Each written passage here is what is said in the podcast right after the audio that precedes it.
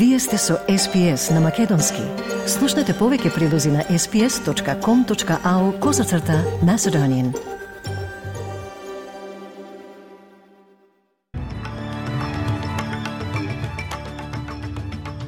Федералната влада ги разгледува законите околу употребата на вештачката интелигенција. Израелски тенкови повторно упаднаа во места на северниот дел на појасот Каза.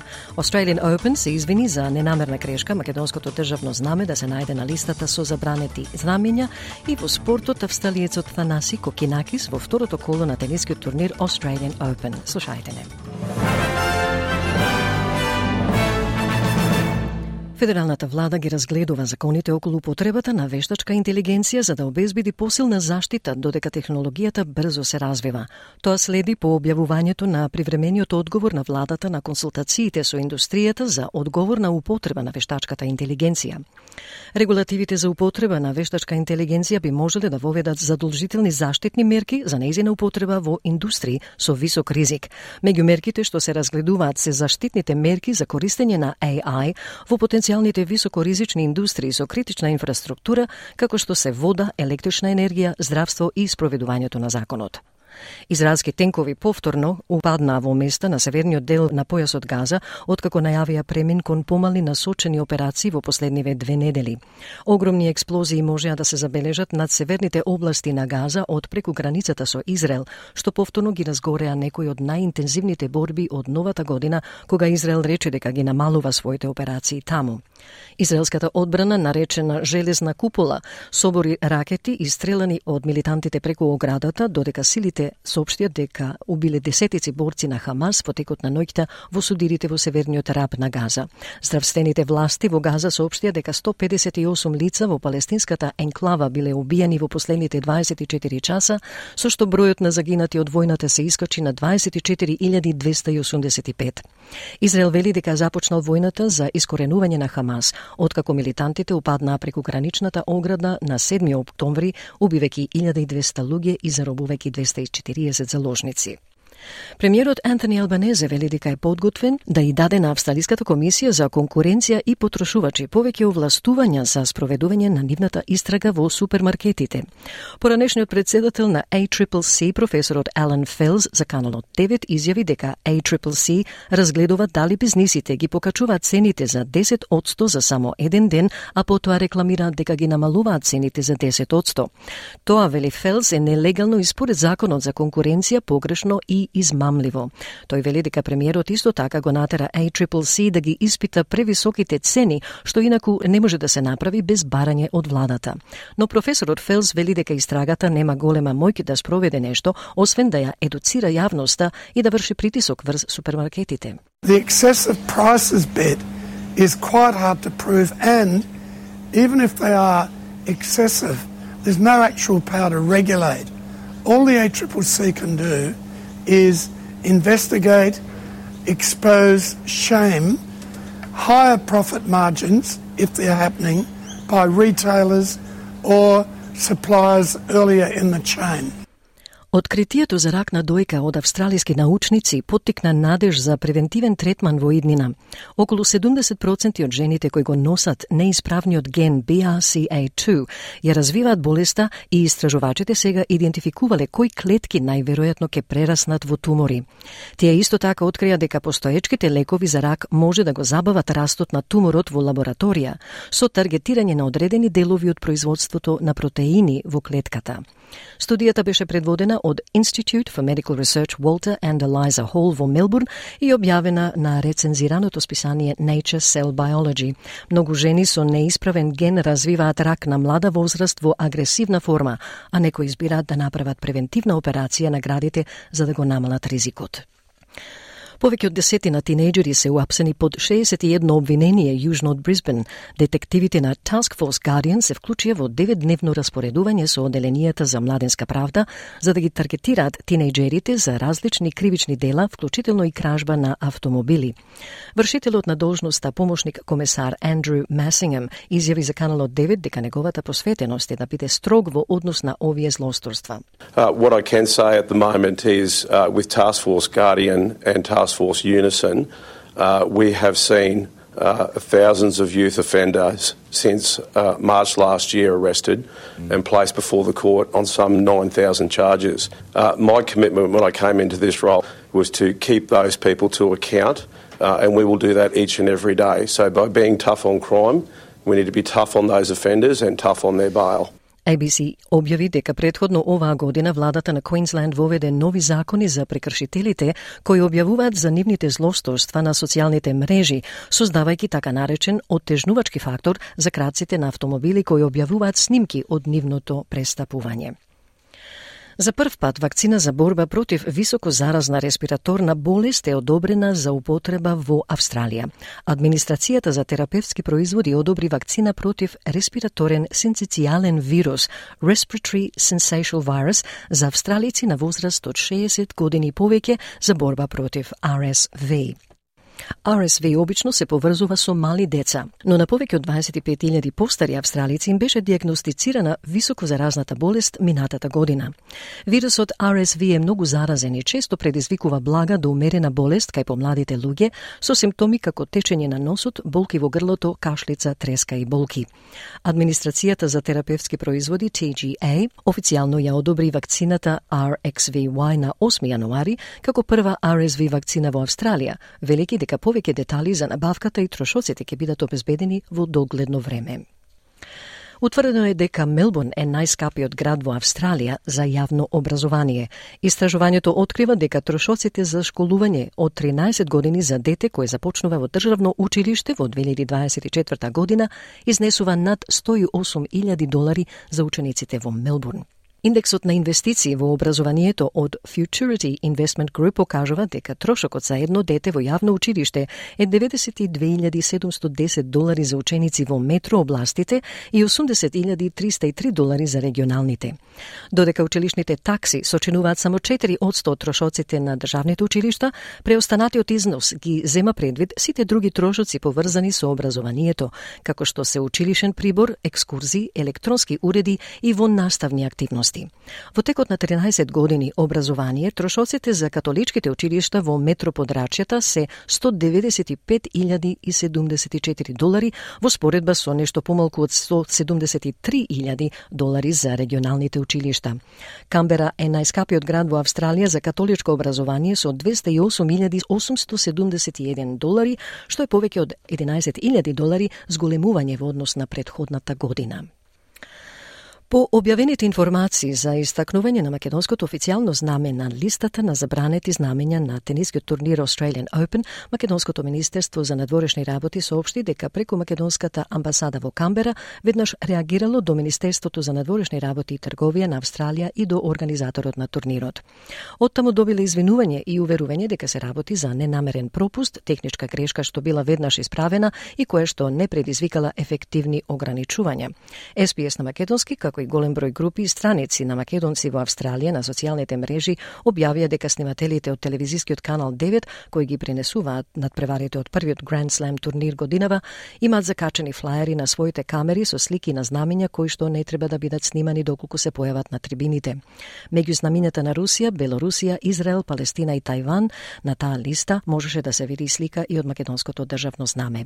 Организаторот на Australian Open, како што стои понатаму во сообщението на Македонското министерство за надворешни работи, појаснил дека согласно важечките правила, за време на надпреварите на турнирот дозволено е да се веат само знамења на државите чии тенисери се надпреваруваат. Од организаторот исто така добиле потврда дека за време на надпреварот на тенисерката Лина Ѓорчевска на 9 јануари официјалното македонско знаме било присутно на трибините без никакви ограничувања. Повеќе од половина од републиканските гласачи во Ајоа го фаворизира поранешниот председател на САД Доналд Трамп во последната пратеничка група, поттикнувајќи го кон она што се чини дека ќе биде близок реванш против демократскиот председател Џо Бајден во кампањата за председателските избори во ноември. Поранешниот председател Доналд Трамп победи во пратеничката група со околу 30 поени пред неговиот најблизок ривал, гувернерот на Флорида, Рон Десантес. Но еден политички стратег, Рина Ша, верува дека гласачите во Айоа не ја представуваат пошироката републиканска партија. Таа вели дека денот наречен Super Tuesday, кога најголемиот број на американски држави одржуваат прелиминарни избори, е повеќе индикативен за гласовите. And let's not forget what's on the line when, when, it comes to Super Tuesday. That's that's the data I'm really looking at. All those contests are going to give us the pulse of the Republican electorate versus Iowa, which which though it's first in the nation, again, we're looking at a very far right component of today's GOP И во тенисот австралиецот Фанаси Кокинаки се пласираше во второто коло на турнирот Australian Open по уште еден трилер од пет сета. Со публиката зад него од почетокот до драматичната завршница Кокинакис со резултатот 7-6, 2-6, 6-7, 6-1, 7-6 го победи австриецот Себастиан Офна по повеќе од 4 часовен надпревар. I wish I could do it easier, but I can't. I've got the mental focus of a three year old, so however I can get it done. You guys are amazing. Without you, no chance I'm winning. И од најновата курсна листа денеска еден австралиски долар се менува за 0,60 евра, за 0,66 американски долари и за 37,19 македонски денари. Еден американски долар се менува за 55,77 македонски денари, а еврото за 61,08 македонски денари. И прогнозата за утре Перт делумно облачно 28, Аделајд делумно облачно 25, Мелбурн ветровито и делумно облачно 21. Во Хобарт силни врнежи 21, за Камбер Камбера сончево 25, Сиднеј делумно облачно 31, а во Брисбен повремени врнежи од дожд 33. Дарвин дожд со услови за можна бура 31 и во Алис Спрингс услови за дожд 37.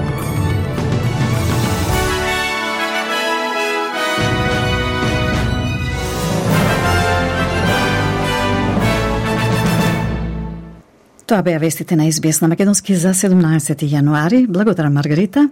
Останете со нас, почитувани слушатели, ќе известиме и за најновите настани во Македонија, но пред тоа неколку куси промотивни пораки од СПС.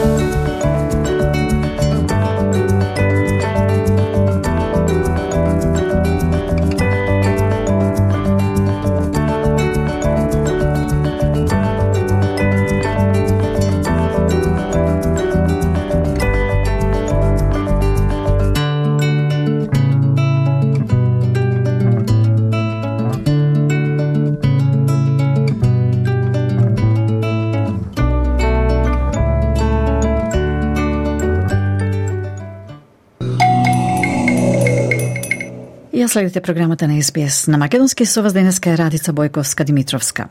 Во извештајот од Македонија, меѓу другото ке слушнеме, председателот Стево Пендаровски не презеде обврска да преговара со Грција за пасожите, велат од неговиот кабинет. Судот во Страсбур пресуди во корист на Спиро Ристовски, неосновано бил држен во притвор за случајот 27 април. Градоначалничката на Скопје Данела Арсовска ја преземе партијата Нова алтернатива на Ѓорѓи Оровчанец, со кого ќе коалицира на следните избори, најверојатно ќе се дознае денеска. Министерството за надворешни работи соопшти дека Australia Open добиле извинување од Australia Open што државното македонско знаме се најде на листата со забранети знамиња. И екологисти од Македонија и од Албанија против најавената трка со моторни чамци Формула 1 на Охридското езеро. Подетално од нашиот редовен известувач од Македонија, колегата Милче Јовановски. Македонија до крајот на ината недела ќе има нова влада. Со неја ќе раководи спикерот Талат Джафери, кој пред тоа ќе поднесе оставка од пратеник. Председателското место во парламентот ќе го заземе Јован Митрески. Паралелно од владата ќе се заминат премиерот Димитар Ковачевски и министерот за внатрешни работи Олвер Спасовски, за да има остапат место на техничките министри. Целата ова процедура била прецизирана и усогласена со законските правила на средбата меѓу премиерот Димитар Ковачевски, актуелниот председател на Собранието Талат Джафери и иниот председател на парламентот Јован Митрески. Ковачевски најверојатно нема да упати покана за лидерска средба со Мицковски. За медиумите изјави. Не имаме комуникација а, со председателот на ВМРО ДПМН, не мора сите средби да бидат во сали за состаноци така да, татаму, така да многу работи може и на телефон да се завршат. Ние сме луѓе кои што кои што се познаваме, имаме и заеднички пријатели, водиме две политички партии кои што се најголеми во државата и сметам дека има работи кои што може да се направат, а кои што се навистина од техничка природа, предлагање на министри во техничка влада и така натаму, договарање на термините кои што исто така се законски пропишени да го направиме еден таков на таков начин. Ден пред тоа и лидерот на опозицијата Христијан Мицковски даде слична изјава при гостување во ТВ24. Треба работите да се се движат нормално. Сега ние јавноста да оптеретуваме дали се виделе Мицковски Ковачевски, дали се слушнале, па што си кажале, па зошто си кажале. Ова треба да е формално. И ценам дека колку повеќе ги релаксираме граѓаните, толку ќе биде подобро за за граѓаните. Мене не ми пречи и средба, ама не гледам зашто мора да биде средба. Може ми по телефон како цивилизирани луѓе да се да се разбереме за било кои отворени прашања за кои што сметаме дека треба да разговараме. Председателот Тео Пендаровски даде предлог за надминување на проблемот со пасошите и најави дека може да помогне во комуникацијата со Грција, но нема преземена обврски во таа смисла, велат од кабинетот на председателот. Реакцијата следува откако предходно премиерот Димитар Ковачевски во изјава за медиумите рече: Ме се обврзале како држава да во февруари месец, мислам 12 февруари беше, дека документите за надворешна употреба ќе бидат со новото уставно име на државата. И со грчките власти немам разговарано. Тоа председателот на државата нели презеде обврска да се чуе со председателката на на Грција имаме разговори кои што се водат со ресорните министри. Од кабинетот на Пендаровски додава дека предлогот за надминување на проблемот, односно промената на законите за да се пролонгира рокот за менување на личните документи, е во целосна надлежност на владата и собранието. Во меѓувреме Уставниот суд ги оформува предметите за преиспитување на законите за промена на патните исправи, иницирани од опозицијската ВМРО ДПМН. Зали премиерот Ковачевски вели дека не ги отфрла, но последниот збор го имал судот. Со иницијативата се оспоруваат законите за безбедност на сообраќајот и патни исправи, кои според ВМРО ДПМН се спротивни на Уставот. Од партијата напишале дека замената на важечки документи е прекршување на правниот принцип. Личните карти Чирок не е истечен, ќе продолжат да важат и по 12 февруари 2024 соопшти МВР. Министерството за внатрешни работи, како ресурно министерство надлежно за издавање на лични документи, укажува дека законот за лична карта не е изменет. За таа цел ги информираме граѓаните дека личните карти со називот на државата Република Македонија, кои имаат важност, односно чиј рок не е истечен, продолжуваат да важат и по 12 февруари 2024 стои во сообщението. Македонскиот дипломатски синдикат најотро ги осудува квалификациите упатени од министерот за надворешни работи Бујар Османи за наводна албанофобија или албанохистерија по повикот на синдикатот за зачувување на професионалните дипломатски стандарди во министерството. Подсетува дека откако Османи е предел функцијата, упатени се повеќе од 50 амбасадори и конзули, како и повеќе од 200 дипломати на мандат – а синдикатот реагира и случајно кога станува збор за прекршување на законот за надворешните работи или за крајно спорни решенија. Од тука повторно го поставија прашањето дали со предлогот за упатување генерален конзул во Нью-Йорк се крши законот за надворешни работи.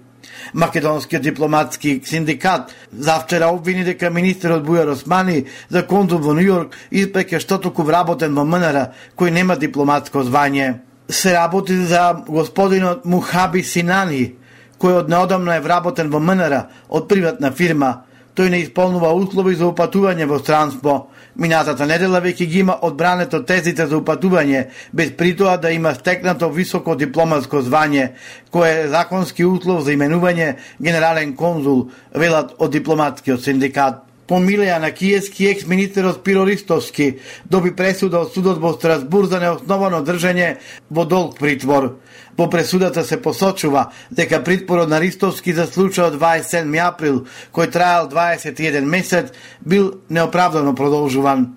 Досудена е и нематеријална и материјална оштета од 2250 евра, која државата треба да ја исплати во рок од 3 месеци од правосилноста на пресудата. Адвокатот на Ристовски Константин Богданов објаснува дека судот оценил дека е направена повреда на членот 5 од Конвенцијата за заштита на човековите права, кој го штити правото на слобода. Данел Арсовски ја презема нова алтернатива на Ѓорѓио Ровчанет, дознава Телма. Скопската граначалничка почна со собирање на подписи за основање на собствена партија, но ќе влезе на политичката сцена преку веќе постоечкиот субјект. Ниту таа, ниту партијата не сака да ја потврдат оваа информација, но Телма дознава дека договорот треба да се финализира денеска. Нова алтернатива беше создадена од страна на Ѓорѓио Ровчанец во 2007-та, во периодот кога тој беше член на ВМРО Народна партија и пратеник во собранието. На парламентарните избори следната година влезе во коалицијата предводена од СДСМ и добиено пратеничко место. По ова остана во оваа коалиција, но на следните избори не добија претеничко место.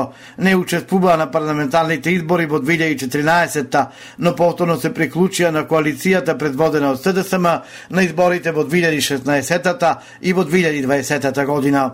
Во основниот граѓански суд Скопје, партијата Нова алтернатива е пререгистрирана, односно усогласена на 1 јуни минатата година, а како веде председател е запишан Сократ Евтимовски од Новосело Струмица, спортски директор на Боречката федерација на Македонија.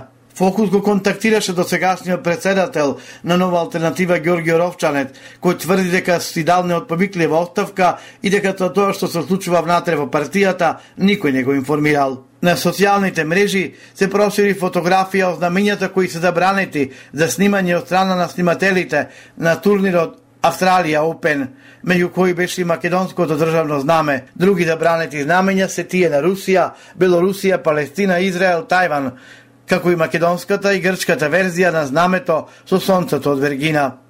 Забраната за истакнување македонски знамења на тенискиот турнир Австралија Опен е повлечена и досега не предизвикала ефективни ограничувања, информира Министерството за надборешни работи. Министерството, преку амбасадата во Камбера, реагирало до Министерството за надворешни работи и трговија на Австралија, како и до организаторот на турнирот Австралија Опен, пошто забраната била повлечена. Според организаторот, за време на надпреварите на трибините е дозволено да се вејат само знамења на учесниците на надпреварот и оти за време на учеството на македонската тенисерка Лина Ѓорчевска на 9 јануари, меѓу гледачите го имало и македонското државно знаме, без никакви ограничувања, информира МНР. Во изјава за новинарите, со свој став се огласи и премиерот Димитар Ковачевски. Веднаш стигна а, извинување од Австралија. Австралија е наша пријателска држава во која што имаме и голема македонска заедница. Тие веднаш се извинија дека се работи за технички пропуст и дека тоа не треба да влие на нашите односи кои што ги имаме со Австралија. На надпреварот кој што го играше нашата Лина Ѓорчевска, еднакво гордост на нашиот тенис, имаше македонски знамења во публиката. Ние го прифативме тоа извинување на Австралија, сепак се работи за джентлменско извинување дека се работело за за технички пропуст и се надеваме дека тоа нема да се случи во иднина. Турнирот во Мелбурн започна на 7 јануари, а ќе трае до 28 јануари. Повеќе од 50 друженија на граѓани, еколошки асоциации и институции од земјава и од соседна Албанија покрена иницијатива за да се спречи одржувањето на настанот Формула 1 H2O, закажан за одржување во јуни годинава во делот на Охридското езеро кај поградец во соседна Албанија. Настанот е дел од светското првенство во трка со високо туражни моторни чамци, така наречени Формула 1 на вода, за која основано се проценува дека има негативно влијание врз животната средина, живиот свет и екосистемот. Настаништо вообичаено се одржуваат на отворени водени површини, како мориња и океани, а не на затворени водни површини, како што е Охридското езеро. Од Македонија извести колегата Милчо Јовановски. Останете со нас и за другите содржини на SBS на Македонски. Сега време за неколку музички минути.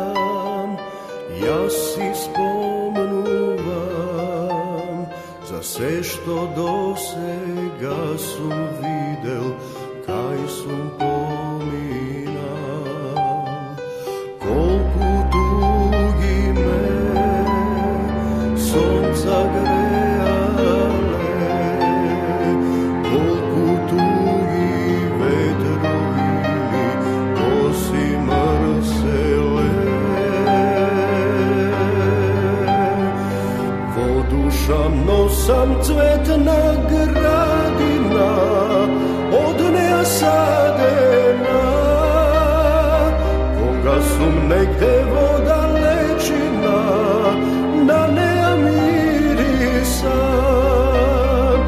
Моево срце е копалата Со љубов преполна За мојта мајка земја најми no.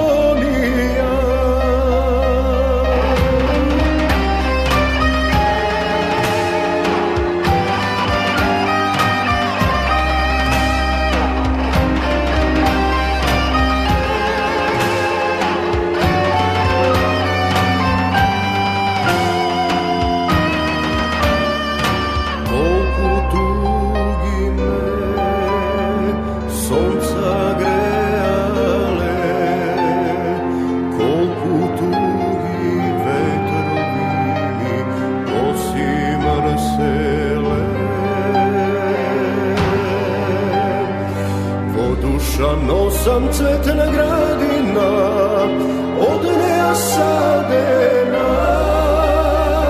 koga su negde voda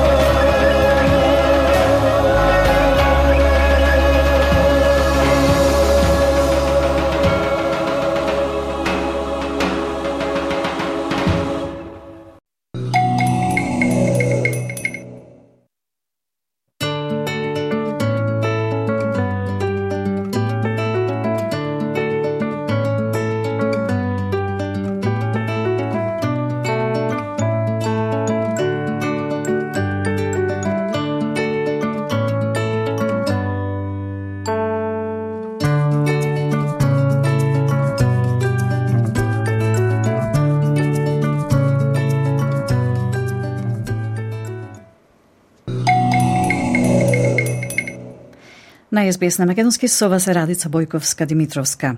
Владата во австралиската престолнинска територија усвои нови национални стандарди за градење кои обезбедуваат куќите да бидат енергетски поефикасни и достапни. Таа стана првата јурисдикција што го применува Националниот градежен кодекс од 2022 година, кој вклучува нови стандарди за енергетска ефикасност во стамбените простори.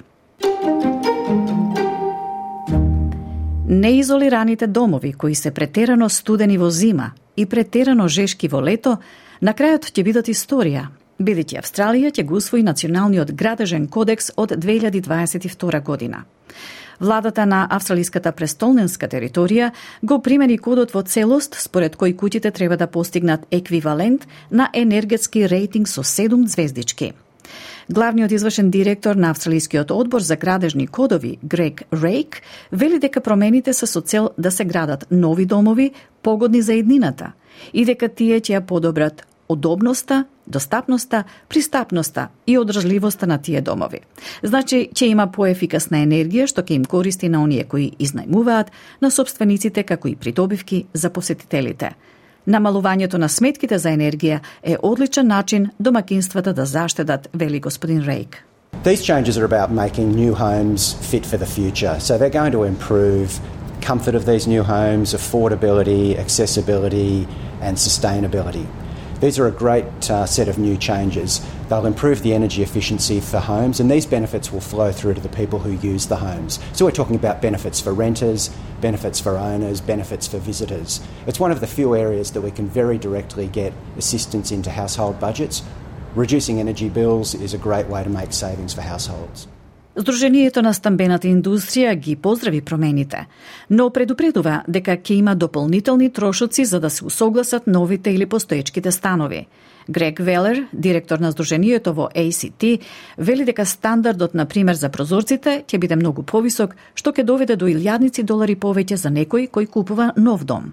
Invariably we're going to see that the standard of windows in the home will increase significantly. We're certainly hearing from members that that can be in the tens of thousands of dollars for someone purchasing a new home. So this can be very significant as well.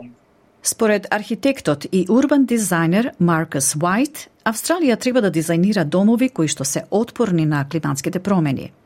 Тој вели дека идеално би било кога би се градило помалку во проблематичните области и наместо тоа би се градило погусто во местата кои што не се прони, например, на поплави.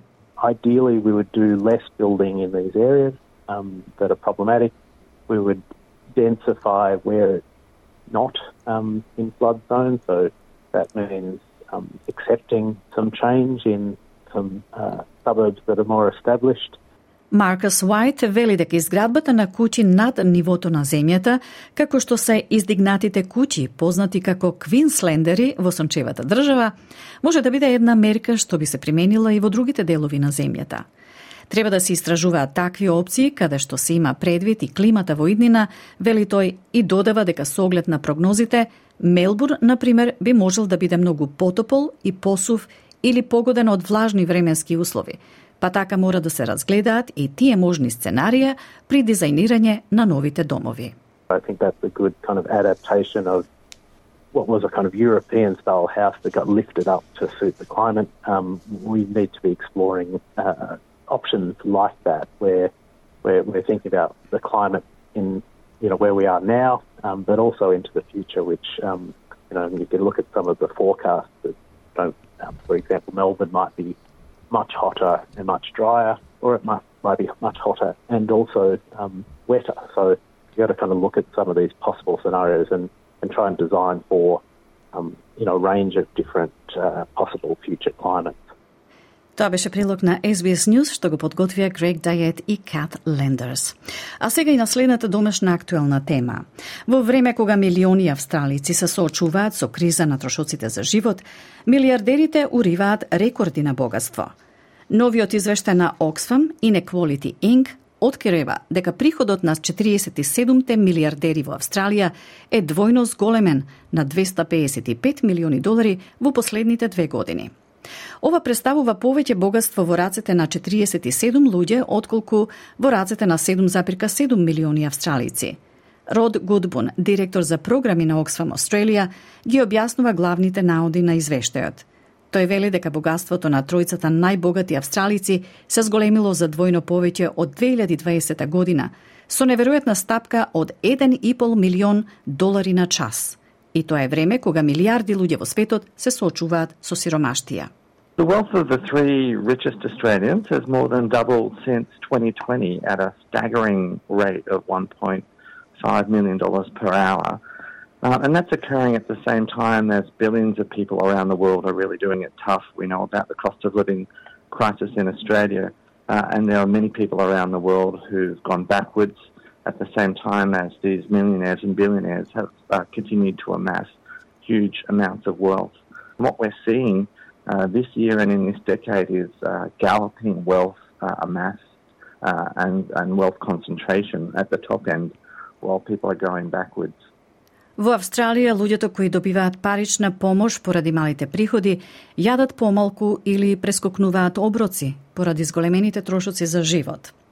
Ова потигна повици до австралиската влада радикално да го намали јазот меѓу супербогатите и остатокот од обштеството со промена на даночниот систем.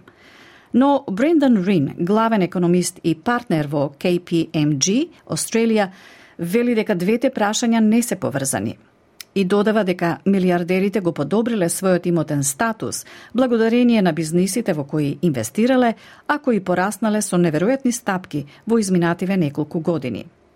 А кризата со трошоците, вели господин Рин, е поради инфлацијата што ја нагризува реалната куповна моќ на домакинствата, чиј приход по оданочувањето е помал денес отколку пред две години.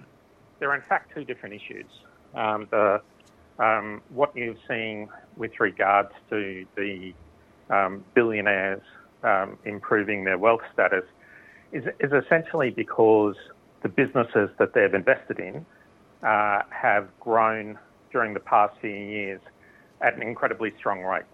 The cost of living crisis is something quite different. That's about inflation um, eating away at the um, real purchasing power of households and clearly, what you've seen is that um, for virtually every uh, cohort in Australia, their um, uh, post tax disposable income is less today than it was two years ago. И покрај тоа ќе се направат промени во даночниот систем. Австралиската влада се очекува да примени даночен систем од трета фаза на 1 јули. Мерката ќе укине границата од 37% и ќе ја намали стапката од 32,5% на 30% за сите работници со приходи меѓу 45.000 долари и 200.000 долари годишно. Ова значи дека оние со плати малку над 100.000 долари годишно би заштедиле повеќе од 1.300 долари во даноци. Господин Гудбун вели дека ова ќе им користи само на оние кои се на врвот на пирамидата – Намалувањето на даноците од третата фаза ќе им користи најмногу на оние кои заработуваат над 180.000 долари годишно.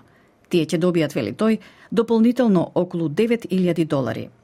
А тоа за буџетот долгорочно значи дека преку тие даночни кратења се откажуваме потенцијално од милиарди долари во текот на една деценија.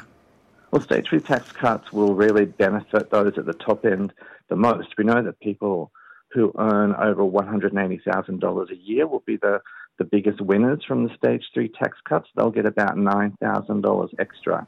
Um, and what that means for the budget in the long term is that uh, we're, we're giving up um, potentially um, billions of dollars, um, uh, ten, tens and tens of billions of dollars over uh, over the next day, uh, decade through those stage three tax cuts. Господин Гудбун вели дека подоброто оданочување на богатството е многу подобар почеток за да се намали нееднаквоста. Ако богатството на милиардерите се оданочи со само 2 до 5 би можело да се собера 33 милиарди годишно, што би можело да бидат наменети за изградба на 75.000 социјални домови, за развојни програми од кои ќе имаат корист регионите и за создавање просперитет за австралиците кои живеат таму. Taxing big fortunes uh, would definitely help raise additional money. So we argue for a wealth tax for millionaires and billionaires. And if we taxed millionaires and billionaires' wealth at just 2 to 5%, um, we could raise uh, $33 billion a year. And that could go to building 75,000 um, social housing uh, it could go to helping fund international development programs that would benefit our region and create a healthy and prosperous uh, region for Australians to grow up in. Крајот на субвенциите за фосилни горива и справедувањето на постојан данок на добивка за големите корпорации се уште некои предлози од страна на господин Гудбан. Но и покрај тоа, премиерот Антони Албанезе изјави за ABC дека нема интерес за преиспитување на даночните намалувања во третата фаза – Тој вели дека нееднаквоста е проблем и дека владата разгледува начини како да ги подобри работите преку мерки како што се заекнување на Медикер и поевтини услуги за детска грижа. Имајте на ум, вели тој, дека даночните намалувања започнуваат од 45.000 долари годишно. Иако тоа е вашиот приход, сигурно не сте богати. I'll make a few points. The first is that the government's position hasn't changed. The second is that uh, inequality is an issue, and the government look, has looked at ways in which we can uh, improve that position. That's why uh, measures such as uh, strengthening Medicare, uh, the measures that we have for cheaper childcare, are all aimed at uh, improving that position. Uh, bear in mind that the stage three tax cuts uh, start at $45,000. $45,000, if that's your annual income, you are certainly not wealthy. Сепак, Австралискиот совет за социјална служба вели дека луѓето во првите 20% од скалата на богатство поседуваат речиси две третини од целото богатство во Австралија. Со оглед на тоа што нееднаквоста останува проблем во земјата, господин Гудбон вели дека само промената во начинот на размислување на владите ќе може да ја промени таа реалност. Постои вистинска потреба, додава тој, владите да преземат поголема акција за да интервенираат, а еден од начините е да се искористат ресурсите, богатството и парите што се достапни во системот и да се вложат во програми за искоренување на сиромаштијата.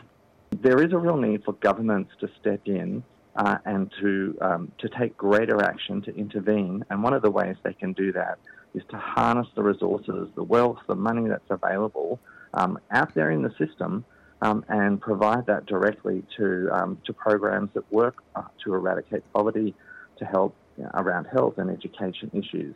So only governments can do this. Тоа беше прилог на SBS News од Адриана Уейнсток. Сега следуваат куси промотивни пореки од SBS по кои го продолжуваме разговорот со Сузан Ѓаневски. Останете со нас.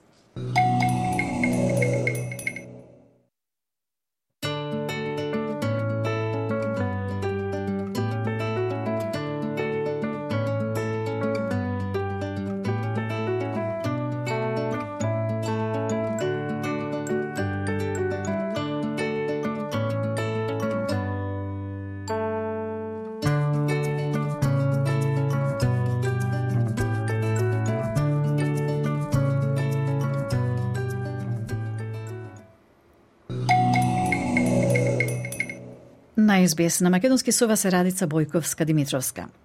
Следува уште еден дел од разговорот со Сузан Ѓаневски од Мелбурн, позната едукаторка за женско здравје со квалификации за образование, натуропатија и природна медицина. Незината порака е дека имаме само едно тело кое би требало да не служи цел живот и дека треба да бидеме свесни за тоа како го третираме, со што го исхрануваме, кога и колку јадеме и дека резултатот зависи од нас како навигатори на собственото здравје. Разговорот го води колешката Маргарита Василева. А што ќе кажете за тестенини, македонските тестенини? Дали треба да ги избегнуваме или помалку да јадеме или некако на некој начин да ги модифицираме? Како да речеме бурек, зелник, мазник? Супер. Многу пати зелник, мазник, леп, како се вели, питолици, што Да, питолици, јадиме да. питолици, тие се многу е, тешки за нашата снага. Ако јадите леп со бајлето, ве поканувам да не јадите леп за ручек или за вечера. Ако сакате да не јадите леп со бајлето, ќе си јадите леп еднаш на денот се јади леп, не три пати денот. Тоа е претерано многу леп или зелник или бурек е многу многу убав убаво да се јади, ама е многу тешко за нашата снага да може да го изработува Да. во снагата. Да. Ама ако јадите помалку, не 3-4 фелки или 3-4 парчи на бурек, тоа значи можете да си јадите и со бали, и за ручек, и за вечера. Ама јас знам како македонка, кога ќе почнеме на една, едно парче бурек, не можеме да застанеме. Јас денеска ве поканувам, можете од све помалку, од и све што е во македонската кујна, е здраво за нашето тело. Значи умерено јадење. Умерено јадење и тоа се научив дека ова година се сум многу попазлива што јадам зашто зборувам и многу научив за благи компири, колку витамини и минерали имаат во нив и тие се многу по, по хранливи да се јадат него бели компири. Ако јадиме кога сакаме малку шекер, ако имаме ам, сварено благи компири, да си имаме малку тоа, тоа појке здравје ти прај и е малку благ, ама не клавате килажа кои јадите благи компири. Многу благо јадиме и клаваме, ставаме шекер во нашето кафе и во чај и после си велиме зошто сум попраена. Снагата нашата не е научено да има многу шекер. Шекерта може да ви дојди од вашето овошје Тоа е природна, um, шекер е во банани, во јаболка, во круши, во гроздје. Тоа е природно шекер и можеме колку сакаме од тоа. Ама ние um, јадиме многу овошје, ама ставаме неприродна шекер во нашата чај или кафе и некои пати ке ставиме по две лажици од шекер, ама ке се напиме 4 чаеви, тоа значи 8 лажици од шекер во нашето во нашето во нашиот чај. Да, да, да. Целокупно, да, треба да се гледа и да се да се прави една калкулација низ денот, yeah. земајќи ги сите тие оброци во предвид.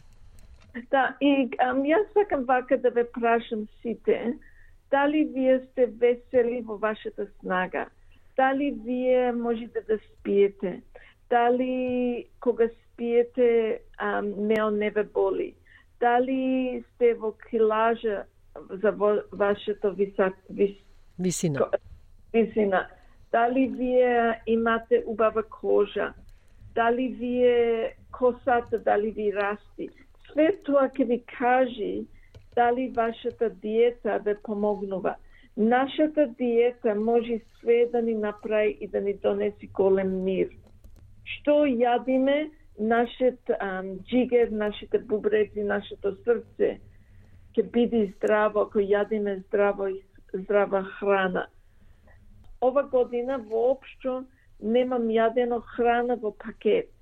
Кога ќе купувам, кога кодам на маркет, јас никој пат не купувам само граф ке купам во пакет. Ништо друго не купам во пакет.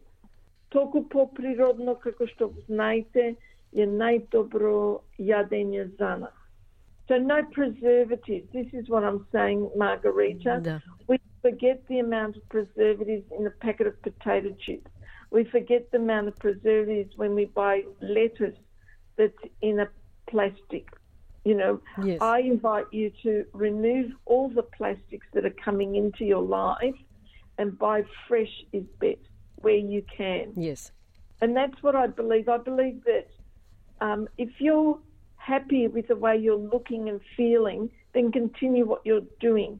But if you're if your blood pressure medication, your cholesterol medication, or you've been put on these medications, it's showing you that the way you're eating and the, the diet that you're keeping is not suitable to the organs that are trying to break down all that in your body. It's a big job. So we need to It's make it easier. job. And it's the spark plugs of our life. If I look at, we've got, say, six or eight spark plugs in a car, and each of those spark plugs in our body need to be fueled so they can actually give us the energy, give us the concentration, give us the comfort inside our body. And a lot of people carry too much weight and then they complain of knee pain or back pain. Yes. The body cannot carry you if you are too heavy. And it is diet related. Yes, we are what we eat. That's exactly right. So we are what we eat, and I invite you to move back into plant based living. That does not mean you can't eat dairy or meat, but have a think about how you're preparing your meat because it's those um, fats when you're frying food that are causing you quite a bit of weight gain, and because the body can't break them down as easily or effectively, the best way is, as I said, in cooked food because they're already broken down. And then when you're chewing, And again, speaking about chewing margarita, yes. Uh, it's very important that we chew up to 10 times each mouthful. But I, I know being a Macedonian, we eat so quickly because it's like we have to rush through our food. But if you actually sit and enjoy every mouthful, you'll find that you won't eat as much. Well, I have a cousin, I remember. We were very young at the time, but she insisted on chewing 26 times each mouthful. she was extremely methodical, I must say. yeah, so the whole idea is our body will tell us how much it needs, but we don't even think because we're so hungry, we're trying to get through the same amount. But I also want to say, after the age of 21, we've actually had all our growth spurts. Why do we still eat as much in our 30s, 40s, and 50s and 60s that we did when we were 20? But we're not needing to grow anymore. And I wanted to speak about why do we eat the same amount of food that we did 40 years ago or 30 years ago? Body, it doesn't need it, margarita. Mm. So I always start my day with a liquid breakfast, like I'll have a smoothie at about 11 o'clock. I don't eat before 11 o'clock. I might have a cup of coffee, and then my lunch is a bit later, and I'll always have my dinner Uh, around about 6 p.m., no later. Yes.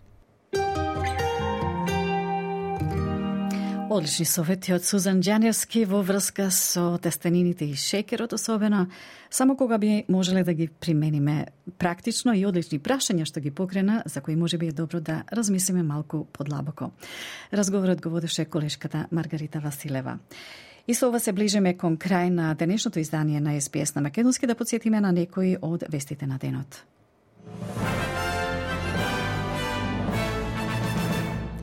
Сојузната влада ги разгледува законите за употреба на вештачката интелигенција. Израелски тенкови повторно упаднаа во места на северниот дел на појасот Газа. По реакција на Македонското министерство за надворешни работи, Организаторите на Австралија Open се извинија за ненамерна грешка македонското државно знаме да се најде на листата со забранети знамења. И во спортот австралијецот Танаси Коканакис се пласираше во второто коло на Australian Open.